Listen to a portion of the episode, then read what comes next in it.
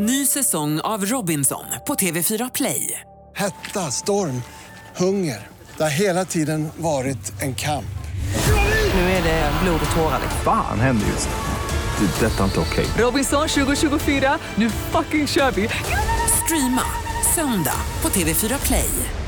Hej Flora! Hej Frida! Hej Vagabond!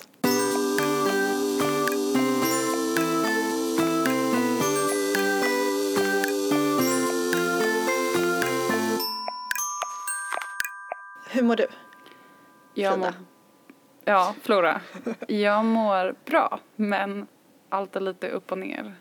Eh, och konstigt eftersom jag precis gjort slut med en person som jag stod väldigt nära i tre år. Men det ska vi inte prata om nu, utan vi ska lägga lite mer tid att prata om det i nästa avsnitt. Vi kan faktiskt säga som det var att vi, vi började eh, det här avsnittet och sen så Och med Flora fråga hur är det, så nu gjorde vi om det här. Men du frågade mig hur det var och sen så skulle jag bara berätta kort och sen så hade jag väldigt mycket Ja, så, jag så behövde att få det, sagt. det blev 45 minuter inspelat material om hur, hur Fridas uppbrott har varit nu på sistone. Och det kommer ni få höra nästa vecka. Vi pratar om annat också. Det är, Ja. inte, det är inte bara ett så här.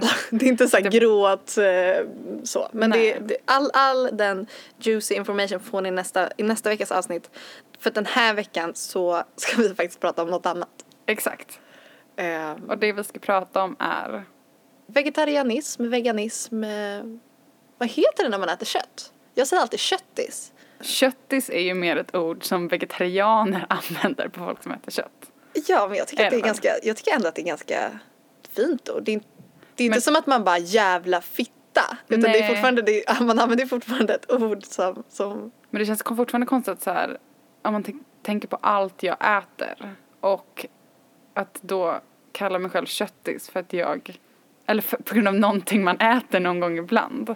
Det här är faktiskt intressant. Du känner att det är ett stötande ord? Inte att det är stötande utan bara så här mär, märkligt. Att, Ja. eller att det är klart att man delar in det efter eftersom ämnet är nu om man äter kött eller inte kött. Men det är så konstigt att så här, definiera sig efter någonting man äter någon gång ibland. Det är typ som så här, du, ibland äter du ägg. Du är en äggis. Typ. Man bara, fast jag äter det här och det här också. Då, om man, ja, det finns ju ett annat ord för det. Det är så här ovo, Ja. ovo-vegetarian. Men, Men du förstår vad jag eh, menar. Ja, alltså jag förstår vad du menar. Eh, samtidigt som när man är vegetarian eller vegan så måste man ju hela tiden använda det begreppet för att man måste hela tiden ställa krav på typ om man går ut och äter eller om man För att förklara vad Ja, man precis. äter. Så att, så att för mig så känns det inte så konstigt att även folk som, som har en annan kosthållning än jag, eftersom jag är vegan just nu, att andra då också måste säga vad de har för kosthållning. Alltså jag tycker att det är rimligt. Men sen så kan man ju ifrågasätta eh, själva begreppet köttis, om det liksom är typ så här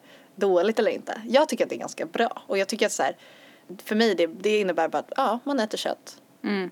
Ja, jag har inget emot det, men jag skulle ju aldrig så här, om man gör en, inforad på Instagram, typ. Jag heter Frida, 22 år, singel, gillar att spela, typ, gillar att spela bowling och är köttis.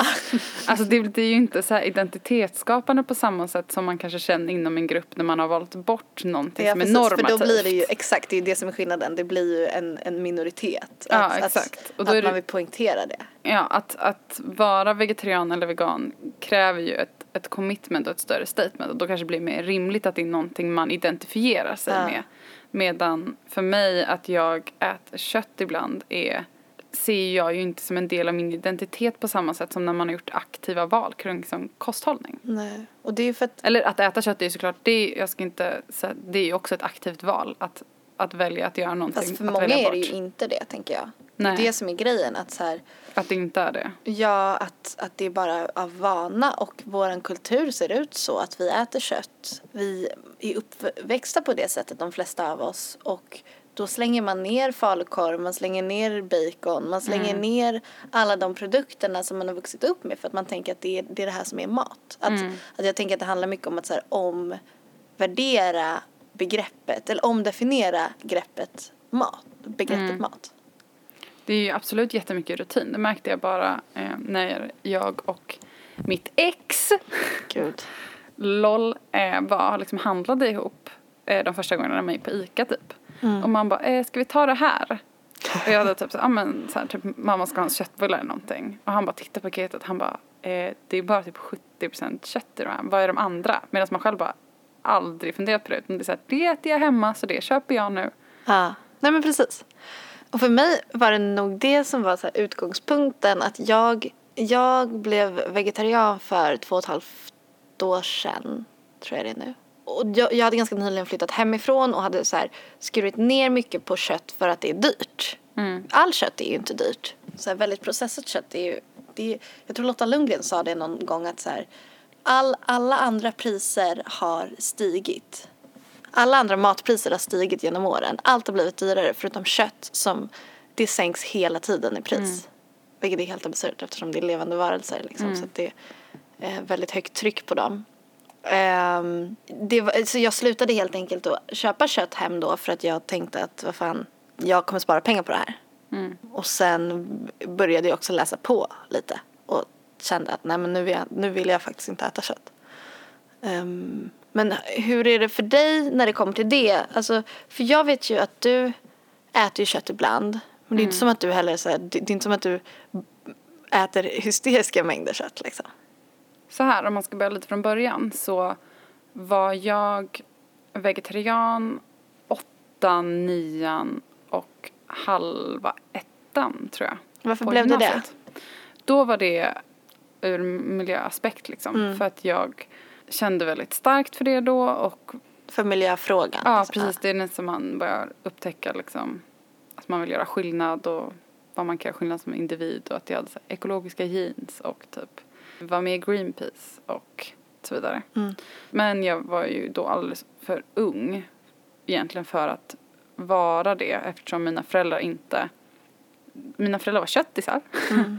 eh, så att då fick ju jag typ laga egen mat och jag var liksom inte redo att ta ansvar för min näring nu när jag ser tillbaka. Alltså det jag åt var typ pasta och några så här färdiga vegetariska biffar man typ köper i, i mataffären. Så kanske inte jättebra ur en näringsaspekt. Och sen så började jag äta kött igen. På gymnasiet på Södra Latin där det brukar vara det blir tvärtom. att man börjar där och så äter man inte kött. Och det var nog för att jag saknade att äta kött. När jag var vegetarian så åt jag också kött på julen. Vilket jag tycker är ett så här helt rimlig grej. Ja. Eller så här, i allmänhet så tycker jag att om alla gjorde så, att såg, såg eh, sina köttvanor som en lyxgrej. Mm. Att man så här, gjorde det antingen typ en gång i veckan om det är så, eller liksom så här tre gånger per år. Att man Mm. verkligen såg det som en så här, nu ska jag treat myself. Absolut. Sorry, jag vet att många inte kommer hålla med nu eller är av annan åsikt. Jag har inte problem med att äta djur. Jag har inget problem med att om jag, typ när man var liten och fis- fiskade, metade i sjön typ. Och så fick man upp en fisk och så hjälpte pappa en att, att rensa den och så stekte man den och så åt man den. Jag är, jag är uppväxt på landet, jag har inga problem med när man köpte ägg av grannen och som Åh, liksom hönorna hade hade värpt. Eh, och så att man liksom gick till grannen, plock, tog med de äggen och sen så gjorde man pannkakor eller någonting med dem hemma. Men det förstår jag att man inte har några problem med. Mm, jo, men jag har ändå kompisar som är med från ett så djur, eh, alltså PETA-hållet. Ja, ja, då men, men mer om man går och köper. etiskt- Nu vet ju inte jag i och för sig hur de liksom, Men de pickade ju fritt liksom. ja, det är ju väldigt ovanligt att ha det så lyxigt att man kan köpa sådana ägg. Mm. Ägg av grannen. Ja. Det kan man ju ofta om man bor, om man bor på landet. Ja, lurigt. Men eh, jag menar bara att jag har, och då är det också, eller folk runt som liksom hade egna grisar eller hade en, egna kossor liksom. Och då kalvade de och så föddes de upp och sen så slaktade man dem som hade grisar. Alltså jag har liksom inget, hur ska jag säga, något sorts djuretiskt perspektiv, något problem med att äta ett djur. Men det jag har problem med är industrin och hur den ser ut. För att köpa ägg i butik är ju inte samma sak som att man bor på landet och köper ägg av, av grannen. Jag tror att det är mer troligt att man eh, tar ett beslut att inte äta kött eller eh, mejeri eller äggprodukter helt om det är känslostyrt. Nu säger inte jag att personer som alla vegetarianer gör det enbart av, alltså jag menar inte känslostyrt som någonting negativt men jag tror att det är större chans att man som person tycker att det är tillräckligt viktigt att göra den här förändringen om man känner känslomässigt inför Ja, men, det. alltså, jag kan förstå det resonemanget men anledningen till att man inte känner att det är känslomässigt är ju för att eh, köttindustrin lobbar för att man inte ska se på djur som eller att man skiljer, å, skiljer djur från mat. Alltså att vi inte eller att många inte känner rent känslomässigt att det är fel att äta kött har ju att göra med att det är den informationen vi matas med. Jag skulle inte säga att det är ett aktivt val att man bara, nej men jag tycker faktiskt inte att det är konstigt utan det är någonting som man liksom växer upp med. Den synen på att människan är över djuren, att människan kan eh, göra vad hon vill liksom. Men för mig är det inte åtskilt. Alltså jag ändå, jag tror att jag har, till skillnad från kanske många andra som är helt uppväxta i stan, så har jag, vet jag hur man mjölkar en, en ko. Alltså om du skulle ställa en ko framför mig skulle jag kunna mjölka den. Jag har sett när kalvar har fötts, vi har vänner som föder upp grisar, vi har vänner som föder upp höns. Jag har liksom varit på bondgårdar, jag vet hur det luktar eh, där man föder upp grisar. Jag vet hur det ser ut, hur det ser ut i liksom spiltorna med gri- när mammorna får griskultingar liksom. Jag förstår var maten, Maten kommer kommer, ifrån, ja. Så jag känner att jag ändå liksom har, För det där har ju- det perspektivet. För att jag tänker att det är väldigt vanligt, eller jag hör väldigt ofta typ människor som kanske så här, har en, grill, en hel grillad kyckling framför sig och säger, nej men fy fan det här blir jag faktiskt äcklad av. Men, De men så, äter de, äter de, så Ja. äter de kycklingfilé hur ofta som helst. Så att det är någonting eh, köttindustrin aktivt jobbar för. Absolut. Att, att skilja maträtten från djuret. Chicken liksom. nuggets på, eh, när man äter chicken nuggets på McDonalds så blir det ju väldigt abstrakt. man förstår ju Mm, precis. inte att, man ä- att det är en kyckling man äter för det har ju antagit en helt annan form. Liksom. Ja. Det blir helt från, frånkopplat djuret. Och det håller jag absolut med om. Ehm, och jag har inte vuxit upp på bondgårdar. Jag har inte varit i särskilt många bondgårdar. Däremot har jag läst väldigt mycket om djurindustrin som kanske inte i alla fall stämmer in för att bondgårdar ser nog olika ut men jag tror att i väldigt många fall så när till exempel Djurens Rätt och PETA och sådär har gjort liksom raidat eh, bondgårdar och sett hur det kan se ut. Till exempel som att många grisar står liksom i väldigt, väldigt trånga bås. de kan Mm, de är- knappt röra sig. de är låsta. De är låsta, de vadar i sitt eget bajs. De får sår av liksom skilje... Bo, alltså de, de får sår helt enkelt av att stå där. Och eh, det är väldigt eh, grovt att se och plågsamt att se. Liksom. Och att jag kan liksom inte... Jag har inte samvete nog att stödja en sån industri. Nej. Sen så här, om jag kunde gå och köpa... Alltså ofta så hör jag folk säga typ så här Jo men jag köper ansvarsfullt, jag köper bara ekologiskt kött och jag, jag, det är väl bättre att stödja de ekologiska och småskaliga farmarna, hör jag folk säga. Men då är det ofta så att det är en jättefin tanke men det är inte så lätt. Man kan inte gå ut och äta en pad thai med kyckling och tro att det, det köttet kommer från en sån småskalig farm. Liksom. Det gör det ju inte. Nej, jag tror att det är det många glömmer. Att det är så här, det här vardagsätandet av kött som man inte, det är svårt att så här justera vilket kött man köper. Mm. Det är ju bara om man, om man köper hem kött själv kanske och lagar hemma att man kan påverka på det sättet. Sen är det kanske ganska få också som har råd att köpa den typen av kött om man är student eller ung eller precis kommit in i arbetslivet. Egentligen. Ja, alltså det- Superklassgrej att Det är köpa det ekologiskt kött. verkligen. Att, att undvika kött i det stora hela är ju en klassfråga. Jag vet ju det mycket väl att, så här, att jag går ju inte runt och preachar för folk och säger så här, hörru du sluta äta kött för jag förstår att alla inte har den möjligheten. Jag har ju aktivt tagit till mig information. Just det, vi, vi var inne på tidigare att man går och handlar det som man är uppvuxen som man alltid har Typ handlat. falukorv, köttbullar, typ skinka på mackan. Mm. Det märkte jag när vi, jag märkte ju, jag och mitt ex, jag skojar, eh, när vi började lägga om maten att man får liksom lära sig nya maträtter.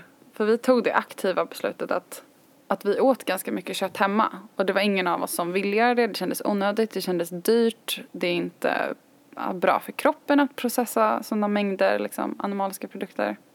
Och då fick vi liksom börja researcha, okej men vad, vad fan gör man med broccoli? Ja, ni tog ett aktivt beslut att Ja. inte äta kött. Ja. Och då var det typ så här, för jag hade bara hemma, alltså sorry mamma, men det var typ så här, när jag hade ätit broccoli hemma, då var det den typ så här, kanske sönderkokt eller den kanske liksom, jag hade liksom inte förstått den fulla potentialen och hur man jobbar med vegetariska råvaror för att köttet alltid har varit i fokuset. Att man marinerar eller man gör olika grejer och sen kanske man har lite pasta eller potatis eller någonting vid sidan av. Och så kanske, alltså en liten gurkstav. Alltså mamma, jag, alltså, jag har verkligen varit uppvuxen på bra mat, jag menar inte så men ja. Ja, nej men det Eh, där... Att lära om och så förstå hur, hur man liksom lagar olika saker. och det kan ju också vara svårt om man inte är intresserad. Det kräver ju ett visst, eh, visst matintresse kanske också. Lite, för att lägga den extra tiden. Ja, men, ja, och det tror jag också det är någonting man verkligen utvecklar. Alltså man Mm. kan ju gå från att inte kunna så mycket om matlagning men det tycker jag verkligen man ser i så här, den vegetariska trenden. Att det Mm. har gjort att folk har blivit mer liksom, sugna på att laga god mat. Mm. Ehm, men jag är också uppvuxen med kött, alltid. Liksom. Mm. Eh, och för mig så var det eh, ganska stort hopp att bli vegetarian. Och sen nu blev jag, bestämde jag mig efter nyårsskiftet att jag ville testa på att vara vegan. Mm. Och jag har varit det nu i två månader och jag vet inte hur länge jag kommer vara det. Och Mm. det vill jag säga rakt ut att så här, det här är ett test för mig att Mm. se hur det funkar. Jag tycker alltid att det är så lite läskigt att begränsa sin, sitt kostintag. Det, det kan man prata om för sig men att, så här, att, att begränsa mycket vad man äter kan ju vara destruktivt liksom. Gud ja, och det tror jag också var en anledning, det hörde också till varför jag sen började äta kött. Mm. Egentligen. Mm. För att det kan jag prata om och det vet jag många kompisar också som om man har liksom någon relation till, till ätstörningar eller till tankar om liksom kroppen och vad man äter och så vidare så kan det också vara problematiskt att Hela tiden behöva tänka på. Ja, hela tiden behöva tänka kring mat, tänka kring hur man ska tillreda maten, tänka kring den maten man kanske, om man i olika sammanhang så kanske inte finns den maten man har tänkt att man ska äta och då kanske man inte äter eller om man ska fixa själv eller det blir väldigt mycket tankar kring mat och vad man kan äta och vad man inte kan äta och när man börjar göra de här valen kring att ta bort olika saker så visst. kan det bli väldigt det, destruktivt. det kan bli väldigt destruktivt och jag vet ju till exempel och, och det tänker jag speciellt som vegan att det, det är svårast för att det, Mm. det kan vara lite knepigt i början att veta vad det är man kan äta som vegan. Eh, och jag vet till exempel att det är många som är veganer men som säger så här, jag, ibland får jag i mig animaliska produkter, kanske mjölkpulver i choklad Mm. eller sådana saker. För att jag vill inte ens titta på baksidan av förpackningen. Jag vill liksom inte Nej. läsa på ingredienslistan och då, det, och då får det vara så. Och det tycker jag är en så bra inställning. Att, Mm. att det ska ju liksom inte bli ett krokben. Man ska känna att man gör någonting som känns bra för en själv, för miljön, för liksom eh, djuren. Men Mm. det ska inte bli att man det ska liksom inte bli ett destruktivt beteende. Nej, och där får man ju känna efter kanske själv lite hur, hur man ligger i riskzonen. För jag hade en kompis som eh, hade väldigt problem med ätstörningar och då fick en period där hon började liksom äta kött och allting helt enkelt från att ha varit vegan för att hon klarade liksom inte av psykiskt att separera de här olika grejerna och det blev för mycket. Och sen när hon började må bättre och sen gradvis nu är hon vegan igen. Mm. Ja, men med så- liksom helt annan inställning. Så att ibland tycker jag också att det kan vara skönt att tanken att det inte behöver vara så definitivt. Nej. Alltså om du vill ta en vecka där du äter vegetariskt eller veganskt och sen kanske någon dag där man äter ägg eller när man äter lite kött eller så kanske en vecka där man äter mer kött eller mindre. Alltså Ja, att alltså man inte ska vara så verkligen. hård mot sig själv. Och det där tänker jag, där lägger man ribban där man själv är bekväm. Vill man äta vegetariskt varannan dag eller det finns ju många som har så vegetarisk måndag och det kanske man kan göra lite mer till och med om man vill det. Men att för mig så funkar det typ inte om jag inte är hundraprocentigt dedikerad. Alltså jag vet inte om det bara är någon så hang-up för mig men jag har svårt att här vara flytande. För det var så jag gick in med inställningen nu, så här, nu blir jag vegan typ. Och Eh, men det kluriga är att så här, jag tackar nej till animaliska produkter hela tiden nu för jag blir jätteobekväm med tanken på att äta ost plötsligt för att jag alltså, väldigt snabbt går in med inställningen så här, nej nu ska det vara så här. Och jag tror att det har med min personlighet att göra. Jag är ganska så här målmedveten som person.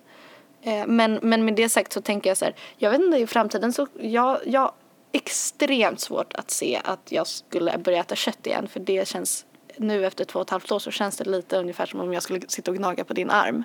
Alltså faktiskt. Men däremot att om jag skulle äta lite, alltså äta ost och ägg och mjölkprodukter och sånt där typ i lite festligare sammanhang eller så här om man går bort och käkar någon gång eller liksom in, ser det lite mer som ett undantag snarare än, än liksom en vana. Det tycker jag generellt. Att så här, det viktigaste är inte alltså, att du måste dedikera dig helt. Nu pratar jag om du, utan nu säger jag du till lyssnaren du. Att dedikera sig helt till att bara man behöver äta helt vegetariskt. Men att liksom på något sätt rota någon typ av aktivt tänk kring det man äter. Det konstigaste veganska jag ätit i mitt liv var när jag, jag tillbringade, tillbringade en månad i Kina på eh, gymnasiet och då, alltså i allmänhet så brukar jag så här den typen av mat vara väldigt så här veganvänlig. Men den här gången skulle vi, vi var på ett sånt tempel typ, ett buddhistiskt tempel och så skulle vi få lunch där och då serverades vi fisk, trodde vi. Det var en låtsasfisk med fjäll och ben och allting. Men det var inte fisk, alltså det var låtsaskött. Som de har satt, ritat typ fjäll på. Ja, alltså det var det konstigaste någonsin. Det där kan man bli galen på ibland. Att så här, varför, jag vill ju inte äta djur. Varför måste det se ut som ett djur? Alltså det är så knäppt. Men vad var det för Det någonting? måste vara typ slime. Alltså jag vet inte, det var jättekonstigt. Men, ja. Jag vet inte ens vad jag ska säga. Nej, jag vet inte, jag vet inte det, det var bara jättekonstigt. Den, den, den vill jag inte äta igen. Saker som inte är kött försöker de få se ut, se ut som ett djur och så stoppa en så här ryggrad i. Och det som är kött försöker så företagen få att se ut som att det inte precis. är djur. Det är väldigt märkligt. Spännande. Det här avsnittet sponsras av Vagabond.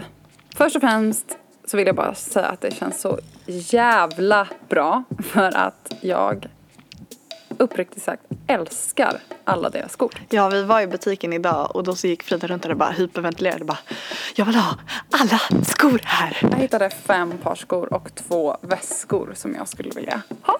Ja, nej men de, det, de har faktiskt jävligt stabil line. Alltså visst har de det? Och att de har så himla så allt känns... De lanserar ju ändå ganska många kollektioner och ganska många skor. Alltså de känns alltid så jävla up to date med vad man vill ha. Att det är så här, man ser en sko så bara shit nu skulle jag vilja ha en sko i den där färgen och det där materialet. Drar, tar typ tre dagar och Vagabond bara det här är vår nya sko i det materialet. den typen av sko. Man bara ja. Ja, alltså så sjukt fint.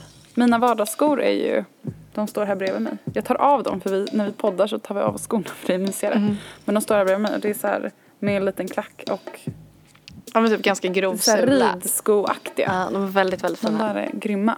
Men det vi ska prata om nu är ju att Vagabond har släppt en ny linje som är lite speciell. Ja, den heter Non-Animal och det är helt enkelt så att det är veganska skor. Så jävla fett. Så grymt. För det kan ju verkligen vara en svår grej om man vill undvika att med läder. Liksom. Precis. Eh, så att det här är helt enkelt eh, fuskläder men fortfarande väldigt så här schysst kvalitet och jag måste säga att de skorna, vi, vi har ju en modell som heter eh, Casey. Mm. Båda vi har kört Casey. Den modellen har de ju haft väldigt länge. Och jag har haft den i många omgångar också själv. En boot med ganska grov mm. rågummisula liksom. Det jag tänkte på när vi var i butiken, är att så här, eller när jag väl höll i de här skorna, att man ser ju verkligen inte att det inte är riktigt läder. Nej, jag skulle absolut inte Jag frågade, jag bara, är det de här som är eh, veganskorna? Hon bara, nej, eh, det är de där borta. Alltså det är inte så att man ser på dem, utan jag behövde verkligen få utpekat vilka modeller det var som hade eh, det här fake läder För man ser verkligen inte skillnad. Och om man då kan välja ett alternativ där man inte ser skillnad, där det inte är något, någon som har fått sätta livet till och liksom bra pris, då är det superbra. Mm, det är vi väldigt glada för. Vi kommer nu alltså kunna ge er 10% rabatt på hela deras Non-Animal-serie online. Eh, Och det här erbjudandet gäller fram till 16 mars. Och då gäller koden FloraFrida. Flora Frida skrivs ihop. Och om ni vill se vilka skor det gäller så kan ni gå in på vagabond.com Flora Frida. Tack som fasen eh, Vagabond för att ni sponsrar det här avsnittet. Jag skulle vilja ge några få anledningar till varför jag har tagit beslutet att vara eh, vegan. Go. En jättestor grej är ju det som vi har varit inne på tidigare att så här, det är dåligt för miljön med köttindustrin. Och det kanske man vet om, det kanske alla vet om men eh, det är liksom en av vår tids största miljöbovar. Bovar, boar. Boar. Folk som följer en vegansk diet, usch jag hatar ordet diet. Det låter så himla bantningsaktigt. Alltså diet betyder ju bara eh, kosthållning. Ah, Okej, liksom. kosthållning. Använder 50% mindre koldioxid.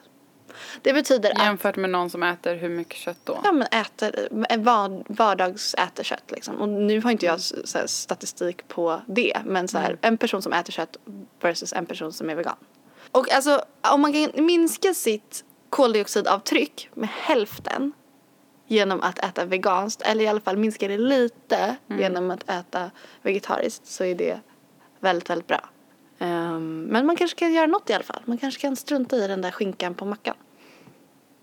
Vi pratade ju lite om det här med typ så här hur, hur djur föds upp. Mm. En sak som, som var väldigt så ögonöppnande för mig att bli vegan. Det var att så här, jag tyckte inte riktigt att argumentet typ så här, jaha jag ska äta kött men varför, hur kan jag då stötta mjölkindustrin? Att det gick inte riktigt ihop för mjölkindustrin och köttindustrin är så nära besläktade liksom. Mm. För att, för att korna ska kunna producera sin mjölk så måste de ju föda kalvar. Att de insemineras. Precis, de insemineras eh, ungefär en gång per år. Och inom mjölkindustrin så tas kalven normalt från kon direkt, alltså typ någon dag efter födseln. Och kalvar och kossor har liksom som en instinktiv, alltså de skapar väldigt starka band. Mm. Vissa djur, det är ju lite så olika hur djur har det med det där men kossor har de verkligen starka band så de stressas jättemycket av den separationen. Och eh, hälften av de kalvarna som föds är ju hankalvar. Och eftersom de inte producerar någon mjölk så dödas de. Mm. Alltså, vi, de flesta dödas vid ungefär 18 månaders ålder. Eh, och sen så, alltså så att det, blir- det blir på något sätt det här med att man, man, man fråntar uh, de känslomässiga aspekterna verkligen från djur. Mm. För mig funkade det inte riktigt längre att så säga, men vad då jag äter inte kött men, och så drack jag ett stort glas mjölk ungefär. Mm. Eh, ja. Och sen så kan man ju, sen kan man ju så prata om hundra miljarder o, läskiga saker inom djurindustrin. Och ehm, jag tänker inte rabbla dem. Mm. Men it's fucking filthy. Man odlar ju sojabönor för att eh, ge de här sojabönorna till djur Mm. eh, som foder. Då får jag ofta höra så här, jaha men vad då äter du massa tofu och sojaprotein? Det är ju jättedåligt för miljön för man skövlar ju Amazonas regnskogar. Men skillnaden är att så här, om man odlar sojabönor och ger dem direkt till människan. Det går åt mycket, mycket mindre sojabönor än om det ska passera djuret först. Exakt, så det blir Det är ju inte ungefär... bara, det är ju inte bara för soja utan det är ju samma med all, all typ av resurser. Alltså det handlar om liksom, alltså det går åt så himla ja. mycket resurser åt att producera kött. Både i liksom olika typer av spannmål, alltså vatten, Mm. alltså el, Ja, eh, all olja. Alltså om man har jordbruksmaskiner och så vidare liksom. Verkligen. Och jag tror att det till och med är så att, eller jag vet det här, jag ska inte säga att jag tror. Jag vet att det är så att eh, det som blir ett kilo kött, färdigt kött, kunde ha varit 10 kilo Mm. Precis. Mm. sojabönor som man skulle kunnat ätit direkt. Och det skulle ju mätta väldigt många fler magar. Mm. Eh, och det här är några av de sakerna som gör att jag så här, tycker att det känns rimligt att typ äta veganskt. Och för andra så kanske det känns rimligt att äta lite mer vegetariskt. Man, gör, man lägger ribban där man själv känner att man vill lägga den. Mm. Vi pratade om det här förut och då sa du att du äter eh, mycket veganskt hemma. Vad äter du då typ? Alltså när jag handlar, jag har ju skrivit om det på bloggen, men jag går en gång i veckan till Lidl och så fyller jag. Eh, de har ganska stora, de här höga Ah, så kundkorgarna. Du nice. Ja, älskar det. Då fyller jag en sån med olika typer av frukt och grönsaker och Man godis älskar ju och frukt och grönsaksdisken på Lidl. Alltså den är sinnes. Så det är liksom min bas. Liksom, när det gäller mat. Eh, och sen så äter jag också ägg. Mm. Ganska mycket ägg. Mm. Om jag ska vara helt ärlig.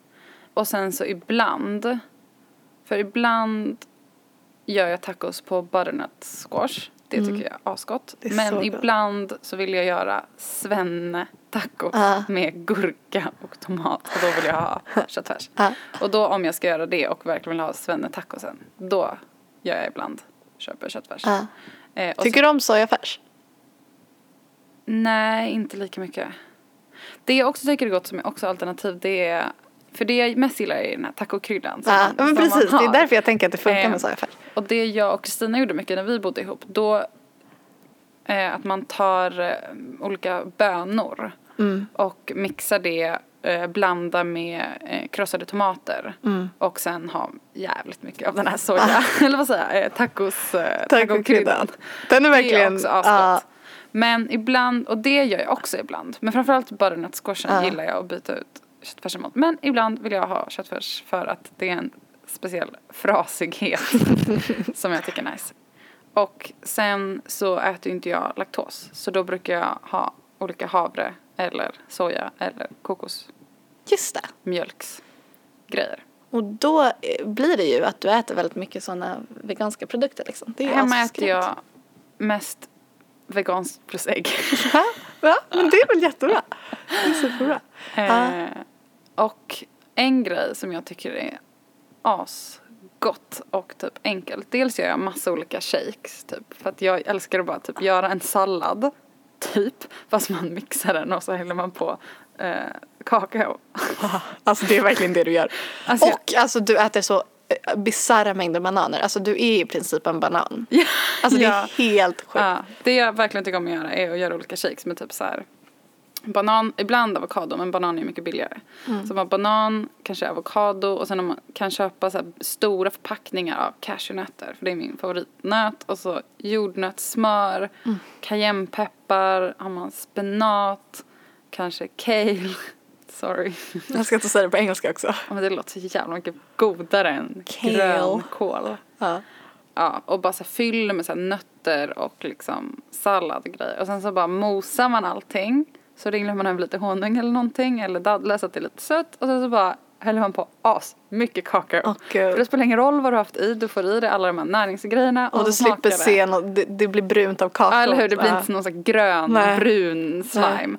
Och så smakar det som eh, att dricka en choklad eh, milkshake. Ja, men det där är jättebra. För mig, jag känner jag att jag har, asnice. alltså jag äter ju också så här smoothies och det kanske man har sett på min Instagram feed. Var, var, fjärde, Så jävla gott. var Alltså, fjärde bild är ju en smoothie. Ja. Men för mig är det viktigt att ändå känna att det crunchar lite så jag alltid, jag, topp, jag äter ju alltid med, sk- i en skål med sked Ja. och toppar med saker. Det, jag brukar också toppa med typ kokos eller någonting för att få lite eh, knaper.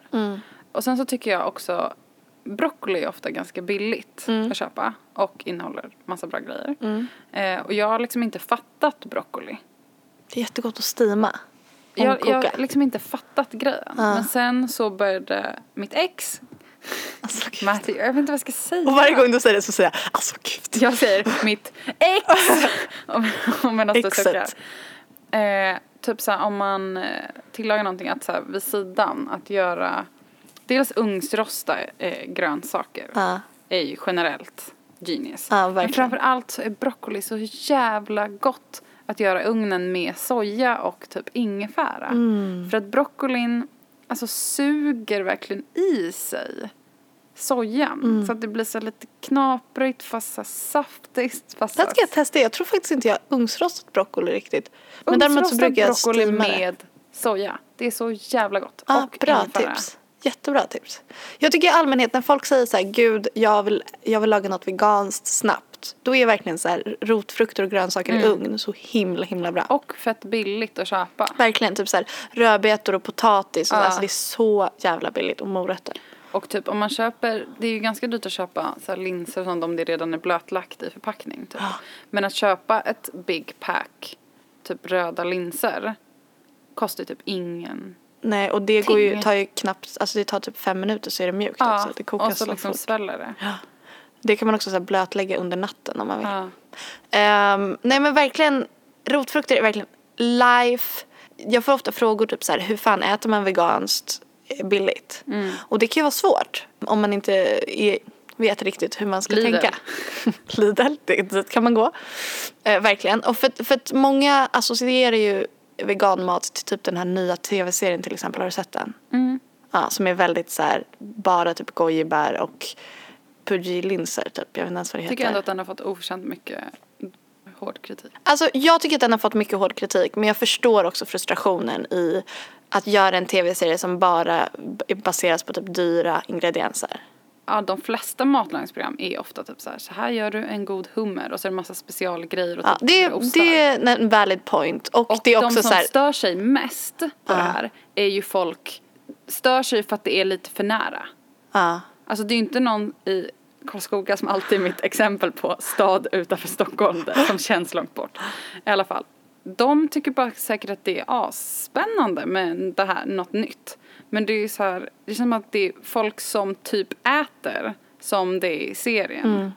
Som stör sig mest för att de är så himla provocerande glada typ. Jag ja, alltså det, det, den ja, ja, gud ja, och jag, Det är samma sak jag med boys. De som störde sig mest på boys var folk som är boys. Ja, och de som stör sig mest på vegorätt är kanske söderhipsters. Vad vet Ja. jag. Men det jag vill säga också med det verkligen är att det är ju väldigt mycket oftare tjejer blir kritiserade för att de typ är Exakt. glada och typ går runt barfota. Alltså Ernst får göra det hur mycket han vill. Eller hur? Och Per Morberg får hålla på och vara så himla... Med jättedyrt kött och Ja. dyra bitar och så vidare. Jag fattar den grejen. Att så här, vegetariskt, ja, alla har inte råd att äta vegetariskt på det sätt som jag gör den där serien. Men jag tänker att så här, det ska ju vara någon typ av inspiration. Mm. Men, det, här, men, men, och, Åh gud vad vi inte ska snöa in på det här. Nej men jag tycker, jag tycker att det är helt rimligt eh, att vi pratar om. För jag, jag tycker också att det är så viktigt att man visar andra typer av vegetarisk mat som inte är chia-pudding. Som inte är bara massa dyra nötter eller liksom så. Eh, och för mig så har det varit så jäkla bra att vara med i Facebookgruppen Vad lagar du för veganmat idag? Och jag tror att det är så här 30 000 medlemmar eller någonting i den och folk postar där eh, dagligen hur mycket som helst. Var det är- vegetariskt eller vegan? veganskt. Eh, gå med, för det är så här, det är allt från typ någon som bara eh, binge-äter potatismos till någon annan som gör någon piffig liten smoothie till någon tredje som så här gör veganska smörgåstårtor till en fjärde. Alltså men du förstår, det är liksom högt och lågt. Någon som verkligen bara typ inte är så matintresserad men äter veganskt och någon annan som är jättepiffig. Och det är så bra inspiration. Jag tittar där nästan dagligen. En annan grej som jag ofta får frågor om är så här, hur pallar man vara vegan när man alltid är typ den jobbiga i gänget? Och då är mitt största tips att typ så här, om du vet att du brukar äta middag hos din mormor, fyll din mormors frys med typ eh, köttsubstitut. Typ omf eller typ vegobiffar eller någonting som kanske inte är lika dyrt. Men det där är faktiskt inte så dyrt. Det kommer mycket mer på marknaden nu som är faktiskt ganska bra pris. Det har jag gjort. Så min farmor vet att hon ska steka på typ rödbets, veganska rödbetsbiffar när jag kommer. Men också kanske att göra en lathund till sin familj. Typ så här eh, istället för smör använd mjölkfritt margarin eller olja. Istället för mjölk använd havremjölk. Istället för ägg i recept använd linfrön som du blandar med lite vatten. Alltså att det finns um, sådana där saker man kan göra för att underlätta. Två andra ingredienser som jag älskar, speciellt i kombination, är sötpotatis och kokosmjölk. Alltså, sötpotatis, det är det godaste. Alltså sweet potato fries, Oh my god. det är så jävla gott. Sötpotatissoppa. Nu höll jag på att säga i majonnäs men då förstörs ju allting. Men det finns vegansk majonnäs. Ja, i, ja, ja då, i vegansk majonnäs då. Ehm, alltså sötpotatissoppa, att göra grytor med kokosmjölk och linser och sötpotatis. Oh my god. Alltså- Jordnötssmör. Avokado. Avokado. Kan man köpa billigt på Lidl, ingen annanstans typ. Just nu känns Sen så det i nät. Ja. Typ köper många. Men det tycker jag ska bli jobbigt för de är så jävla små. Livets problem. Jordnötssmör är verkligen också så här om man Alltså inte vet. jordnötssmör. Alltså det är, Åh gud. Alltså jag, Jag- jag äter verkligen. skedar. Ja, jag med. men det som är så bra med Du skedar inte med människor just nu, du skedar med jordnötssmör. Åh. Det finns nog personer jag kan skeda. När du var vegetarian, åt du några så här kosttillskott eller sånt då? Nej, jag hade järnbrist. Äter du järntillskott nu? Nej. Jag hade inget kosttillskott, eller vad säger jag, eh, brist på någonting sist jag tog blodprov. Men jag vet att jag, jag hade järnbrist till exempel när jag var vegetarian. Men det är också för att jag sa att jag var ju för ung för att själv eh, sköta min kost. Ja, och många har järnbrist även fast man äter kött också. Exakt. Det är verkligen Men nu vanligt. har jag inte det. Vad äter du? Eh, jag äter något som heter Mitt val vegetarian. Mm. Då, då får man B12 framför allt. Och B12 är någonting som man är väldigt svårt att få i sig om man är vegan. Eh, och det är väldigt viktigt att man får i sig. Så, jätteviktigt. Och sen äter jag D-vitamintillskott. Vilket också är så här, alla borde göra det. Typ för att det behövs för man och man får inte det för man bor i Sverige. Mm. Sol, ni vet. D-vitamin sol. Eh, och sen också typ järntabletter. Men det hade jag nog ätit ändå även om jag inte var vegetarian. Det är bra. Man är kvinna och sånt där. Jag har också några tips för om man är intresserad av att lära sig mer om djurindustrin eller veganism eller vegetarianism. Då har jag några tips som har varit väldigt, väldigt betydelsefulla för moi. Det första var som en bok jag läste. Den kanske du också läst? Jag vet inte. Den heter Äta djur. Av Nej, Jonathan. Safran Foer. Och den är skriven på ett så väldigt lättillgängligt, intressant sätt. Han är ju väldigt känd för sina så här skönlitterära romaner så han är verkligen så här, det är väldigt kul att läsa den boken, eller intressant. Och den var verkligen så att jag bara så här, nu blir jag vegetarian. Och sen det som fick mig att bli vegan var att jag såg en film som, jag tror att det är Leonardo DiCaprio som har varit med och producerat den. Den heter Cowspiracy. Och den är inte en, en, en film som är så här med massa läskiga bilder på grisar som håller på att drunkna i sitt eget bajs. Det är inget sånt. Utan det är verkligen så här ur ett miljö, en miljösynvinkel. Den är superintressant. Den finns på Netflix till exempel. Den är verkligen top, top, top. Bra rekommendationer. Och så kan man kolla mitt bloggarkiv, kolla mina recept på bloggen om man vill få lite inspiration. Man kan kolla recept på vegoteket.se. Där finns väldigt många bra veganska recept. Jag är så jävla hungrig. Jag är också så jävla hungrig. Dels för att jag inte det var länge sedan jag åt min senaste banan. och dels för att vi har suttit och pratat om mat så jävla länge nu. Jag blev faktiskt väldigt sugen på sötpotatis. Surprise. Jag har sötpotatis hemma! Och kokosmjölk. Och linser. Och jordnötssmör och krossade tomater. Alltså hörni, det är livets gryta. Uff. Ja. Alltså obs att man har jordnötssmör i grytan. Och röd curry. Uff. Och lime. Oh, och ingefära. Flora, kom lite i byxan Mm, och det det. får återkomma med recept om inte det redan ligger uppe på bloggen. Mm. Jag kommer lägga ut det, lovar. Eh, jag tänkte bli full. Nice. Jag, jag vill också bli full. Tack för att ni har lyssnat och tack så jättemycket Vagabond för att ni har sponsrat det här avsnittet. Och gör mina fötter lite snyggare trots mina två ganska ihopvuxna typ tår. Ja, Tack för det. Tack! Nu tar vi fredag. Hej då! Hej då.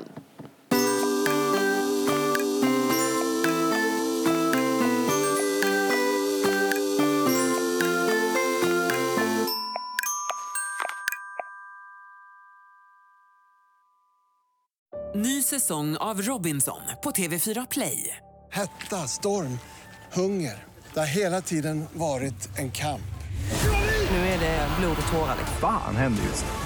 Det. är Detta inte okej. Robinson 2024, nu fucking kör vi! Streama söndag på TV4 Play.